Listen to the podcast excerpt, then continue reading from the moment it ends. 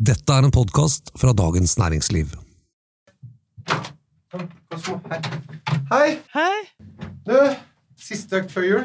jeg har en liten overraskelse til deg her. Neimen, grisehjerne i år igjen. Det er ikke hjerne, den er ute. Det er kun hodet. Tusen takk.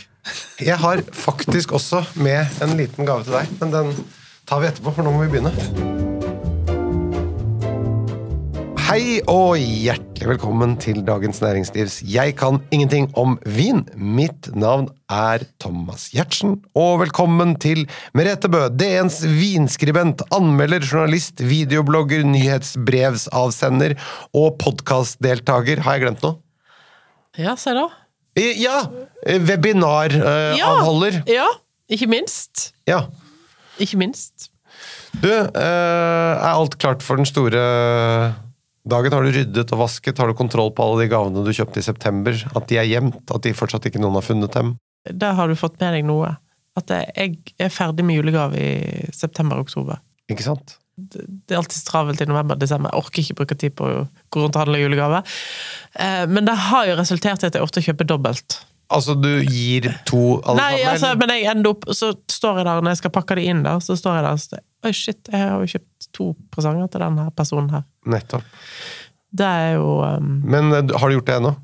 Jeg har ikke helt Dere- oversikt. Nei. Du har gått gjennom boet? Ja, det er ikke det. Men jeg har kjøpt alle julegavene. Renteoppgangen har ikke plaga deg så veldig? Eh, Det blir jo derfor jeg kjøper tidlig på året, for da kan jeg eh, gjøre gode deals I, for, I desember koster jo alt dobbelt så mye, føler jeg. Ja, det er kanskje inne på noe. Ja. Du, eh, Vi fortsetter der vi slapp i forrige uke med å spare på spørsmål fra lytterne. Og alle vinnene som dukker opp, de legger vi ut i episodeinfoen. Da er det spørsmål fra Heidi. Syns ofte det er litt vanskelig å vite hva man bør tenke på eh, for å finne en fin drikkevin etter at man har drukket matviner, f.eks. gode, kraftige rødviner. Noen ganger kan de tunge matvinene bli litt trå som koseviner etterpå. Dette er for de gangene hvor vi ikke ønsker dessertvin, eller ikke har dessert i det hele tatt. Har du noen tips på en god drikkevin til en sånn anledning? Det har vi laget en egen podkast om. Ja, men kom igjen. Nei, det her er jo litt smak og behag. Personlig Ja. så liker jeg Kan jeg gjerne da begynne å drikke champagne igjen. Oi, men eh, ja, ok. Men sant, det er jo Det kan være litt stramt for noen òg, da. Ja, sikkert. Eh, Du kan fortsette med en rødvin. Ofte hvis det er et langt måltid, så er jeg ganske forsynt uh, med vin. Så da slutter jeg å drikke på det tidspunktet. Men, Men, noen eh, vil pjalle litt videre. ja, da kan en fortsette. Hvis en da har hatt rødvin i måltidet, så ville jeg kanskje ha fortsatt med en annen rødvin. Litt i samme sjangeren, eller litt Men, lettere, eller men kanskje hvis vi skal ha rødvin, kanskje vi skal dra ned litt på tanninene? Ja, det mener jeg. Altså litt lettere eller, eller modnere stil, da. Ta en Pinot Noir fra USA, eller et eller annet sånt. Hvis den har hatt en litt kraftigere vin til hovedretten, så kan den ha en veldig sånn sødmefull, bløt avslutning, da. Eller en Beaujolais. Eller en Beaujolais. Vi har snakket om det før, det er en vin vi ofte glemmer. Jeg er helt enig. Jeg er med Beaujolais ofte. Ja, Eh, Eller så kan man gå over på en hvitvin. absolutt. Men eh, her er det veldig mye smak og behag, vil jeg påstå. Hva en ønsker. Det viktigste er kanskje det å unngå det som hun opplever som tunge viner, og da er det gjerne viner med mye tanniner og også høy alkoholprosent. Da. Det er kanskje lurt å styre litt unna. Ever catch yourself eating the same flavorless dinner three days in a row? Dreaming of something better? Well, HelloFresh is your guilt-free dream come true, baby. It's me, Kiki Palmer. Let's wake up those taste buds with hot, juicy pecan-crusted chicken or garlic butter shrimp scampi.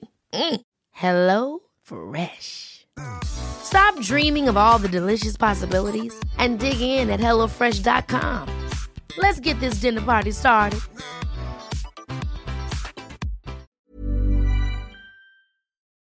Spørsmål fra Thomas, offiser i Forsvaret. Tusen takk for super podkast. Jeg syns det er vanskelig å skjønne dette med eik godt. Amerikansk eik versus fransk eik, gamle, nye fat osv. Hvordan dette påvirker både smak og lukt.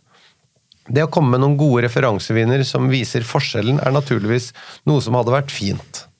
Ja, litt forsiktig oppfordring, det. Skal du forklare litt om eikebruk, da? Ja. Amerikansk eik har litt mjukere ved, som gjør at den lukter og smaker litt mer i vinen. Ja, fordi det, det blander seg mer inn i vinen. Ja. Og har ofte litt mer sånn vanilin i seg, som er et stoff som finnes i all eik. Som er faktisk da du utvinner vaniljesukker av. Mens eh, gamle fat, for eksempel, gir veldig lite smak til vin. Nesten ingenting. Mens nye fat, kommer an på toastgrad, gir veldig mye eik. Ja, for det var det jeg skulle si. Toastgrad er ett poeng. Du må forklare det, da. Ja, fordi når du lager et eikefat, så tenner du et bål inni Dette er håndarbeid de luxe og gammel metode. Så må du tenne et bål inni eikefatet for å varme opp stokkene, sånn at du klarer å bøye dem. Ja, For den bude tønneformen. Ja. Mm. Og den, eh, den eh, Hvor mye bål, eller hvor mye toast det blir inni der, eh, er da avhengig av hva produsenten ønsker. Noen vil ha mer, og det har jo blitt litt mindre da generelt sett. På 90-tallet var det jo ekstremt mye toast. Men det er jo en sminke på vinen, så det, det kan jo fort dekke over druematerialet. Men noen av verdens beste viner ligger jo på 100 nye eikefat. Ja, men, og da full toast. Ja. For å si det sånn, hvis du har amerikansk eik med mye toast og helt nye fat, er det en slags sånn maks eikebombe? ja. Og så eh, gamle fat, det bruker man da, som du sa, da gir det ikke noe eikesmak, men det bruker man for å få litt oksygen inn gjennom eh, treverket til vinen. I motsetning til hvis du bruker en ståltank, så er det helt Ja, da smaker jo ingenting. Og sammen med òg sementtanker og eh, amforer, da, som veldig mange har begynt å bruke. Så, Ja. Skulle du nevnt noen, f.eks. en hvit burgund med veldig mye eik, og en med lite eik? eh, ja, Henri Boyot ja. en produsent som jeg syns eiker altfor mye. Uh, I Burgund. Uh, nå vet jeg, jeg husker ikke over hva som finnes derifra, men uh, jeg tror Henri Boyot skal finnes på en del spesialpol, i hvert fall. Og så kan du sammenligne det med Gano, som har null eik. ja. Francois Gano i Merceau. Og da vil du få forskjell Det det er veldig absurd forskjell der, tenker jeg. Det, det var veldig bra eh, forslag. Og så kan du putte inn eh, en som er mer moderat eikebruk, da, for eksempel Pascal Clémat, en hvit burgund fra Pascal Clémat, inni der. Jeg tipper han bruker sånn 10 ny eik, eller 10-20% generelt. Fordi at han er i startgropa av sin, eh, sin karriere, og det koster jo veldig mye å bruke 100 ny eik. Og som en eh, litt sånn eh, nyetablert eh, vinprodusent, så, så er ikke den økonomien kanskje helt til stede ennå. Bra forslag. Da er det spørsmål fra forlagsdirektør Emil. På de siste polslippene har det dukket opp mer og mer aligoté. Alt fra Chadot, altså produsenter, eh, er det han snakker om her da, til stjerneskudd som eh, Patai og hipstere som Le Grappin, til storheter som Ramonet har sluppet sine versjoner. Hva er grunnen til at det plutselig dukker opp så mye aligoté? Altså, kanskje de har fått tak i mer aligoté, og eh, disse produsentene som kanskje ikke syns at det er vanvittig å lage aligoté før, fordi at du kanskje ikke solgte ut de vinene du lagde hvert eneste år, men nå de siste årene så har det vært kø på døra hos alle produsentene i Burgund, uansett kvalitet. Og da prøver de å lage mer vin, eh, og da har jo liksom aligoté blitt eh, et alternativ, da, som noe de kan spe på i bunnen der, der det er litt rimeligere. Nettopp. Det er rett og slett en eh, litt rimeligere og enklere vin fra Burgund. Ettersom chardonnayene er blitt så dyre og selger ut så fort, så fyller de på med noe annet. Samme som Armani og Armani Exchange. Cool fact a crocodile can't stick out its tongue. Also, you can get health insurance for a month or just under a year in some states. United Healthcare short term insurance plans, underwritten by Golden Rule Insurance Company, offer flexible, budget friendly coverage for you. Learn more at uh1.com. I'm Sandra, and I'm just the professional your small business was looking for. But you didn't hire me because you didn't use LinkedIn jobs. LinkedIn has professionals you can't find anywhere else, including those who aren't actively looking for a new job but might be open to the perfect role, like me. In a given month, over 70% of LinkedIn users don't visit other leading job sites. So if you're not looking on LinkedIn, you'll miss out on great candidates like Sandra. Start hiring professionals like a professional. Post your free job on linkedin.com/people today. Ryan Reynolds here from Mint Mobile. With the price of just about everything going up during inflation, we thought we'd bring our prices down. So to help us, we brought in a reverse auctioneer, which is apparently a thing. Mint Mobile unlimited premium wireless. Ready to get 30, 30, bit to get 30, bit to get 20, 20, 20, bit to get 20, 20, bit to get 15, 15, 15, 15 just 15 bucks a month. So, Give it a try at mintmobile.com slash switch. $45 upfront for three months plus taxes and fees. Promo rate for new customers for limited time. Unlimited more than 40 gigabytes per month. Slows. Full terms at mintmobile.com.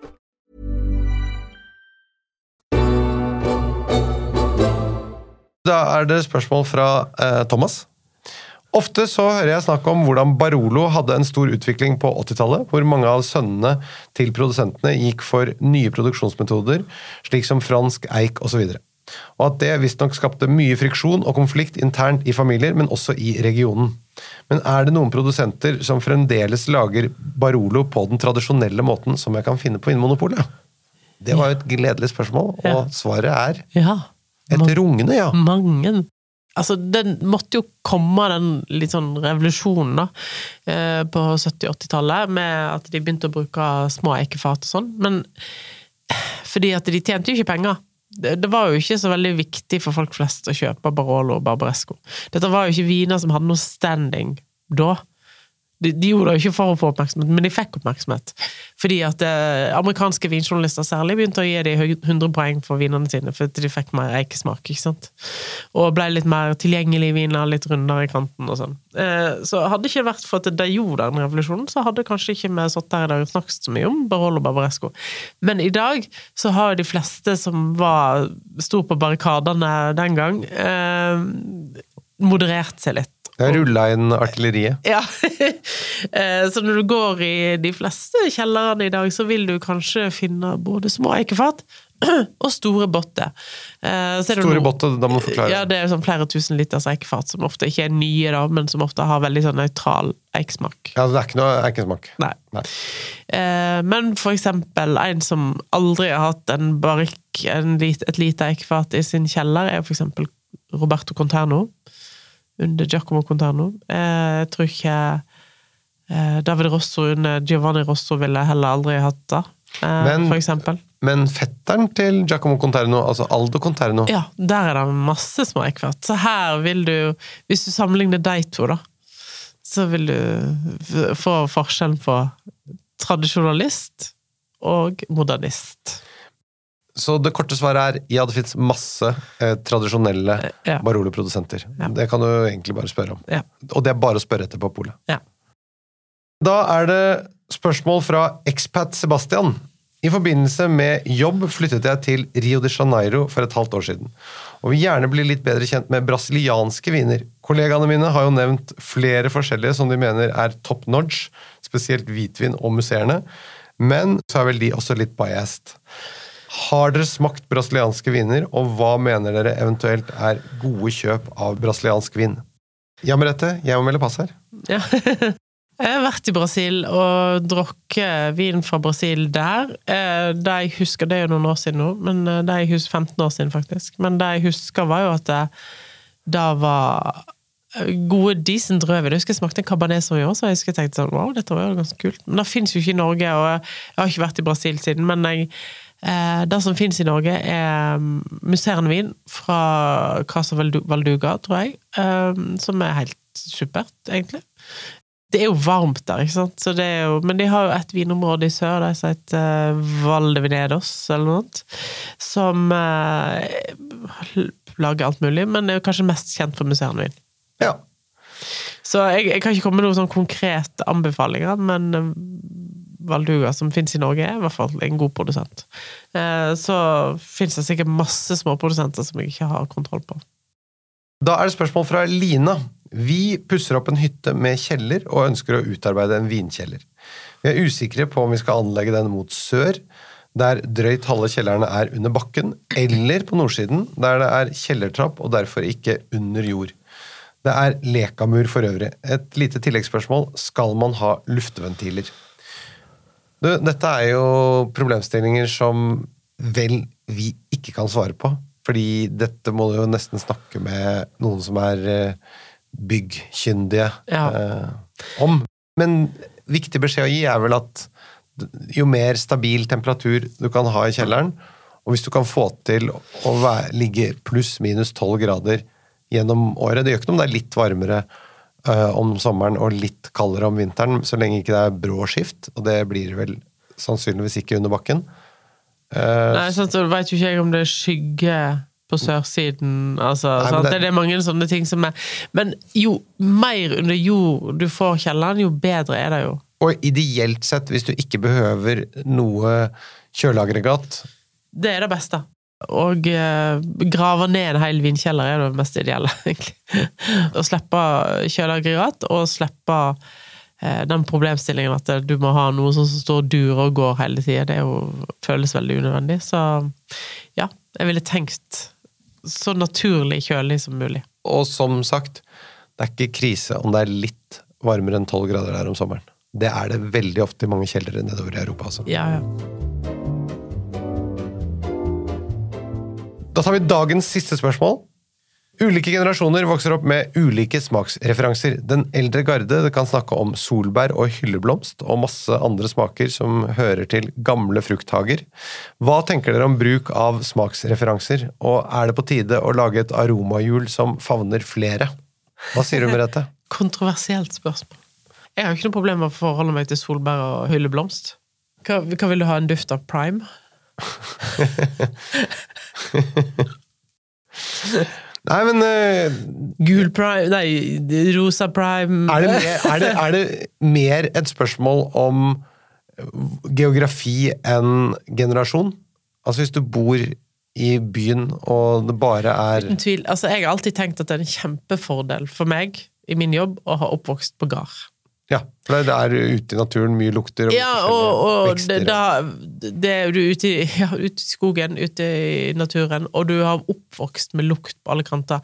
Det blir jo ikke like naturlig, eksempel hvis du er oppvokst på eh, Tåsen, da, eller Grønland, eller Nei, du, har, de- eh, og du har alle aromareferansene fra Candy King på Bislett. Ja, ja, ikke sant? Altså, det, det- er litt mer sånn Litt an Du har andre referanser, da. Men det du må ikke glemme, er at Candy King på Bislett, de, det godteriet, prøver å herme etter de luktene som fantes i naturen. Det er bare at det har blitt laget så mange nye varianter. Det er lestoff der, da. Hva? Det er en del lestoff Ja, nettopp. lagt til. Et eh, tips er jo at det å lukte på eh, matvarene, lime, limeskall, når du lager mat, eh, er en god Kjempeviktig. Måte å trene seg opp på. Ja, eller hvis jeg er på restaurant og får ting på tallerkenen som jeg kanskje ikke hadde laga sjøl. Ja. Tenk, lukt, smak.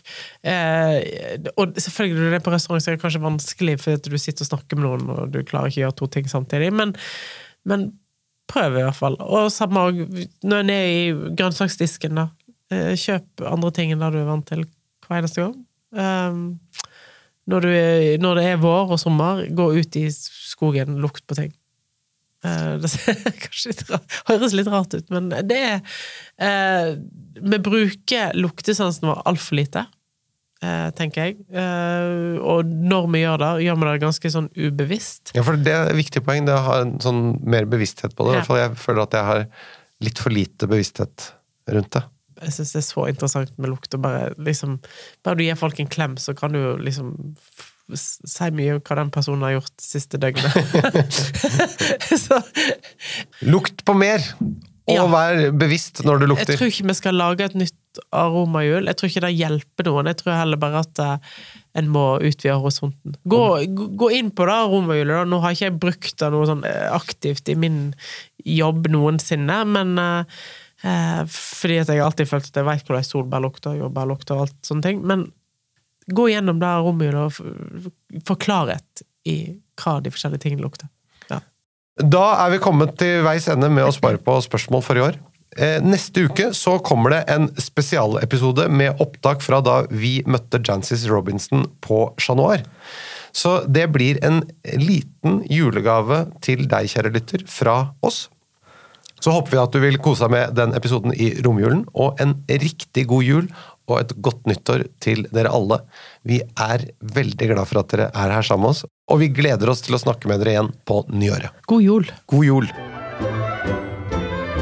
Da, var, da ble det jul i året, da. Og så se her. Jeg har laget til deg òg, vet du. Oh, wow. Det er kyllingleverpaté. Det er jo helt fantastisk. Jeg gleder meg til ny sesong allerede. Kan ikke vente til å begynne med ny sesong til neste år. Hanna! Kosmo, kom! Nå skal vi gå. Snakkes på telefon i romjula. da.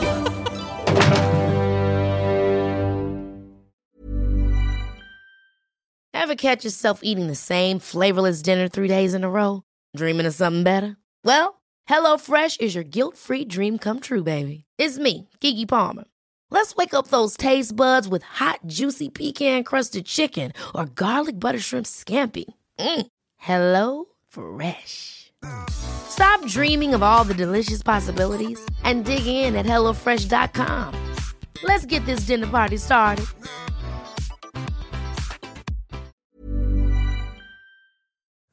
Du har nå hørt en podkast fra Dagens Næringsliv.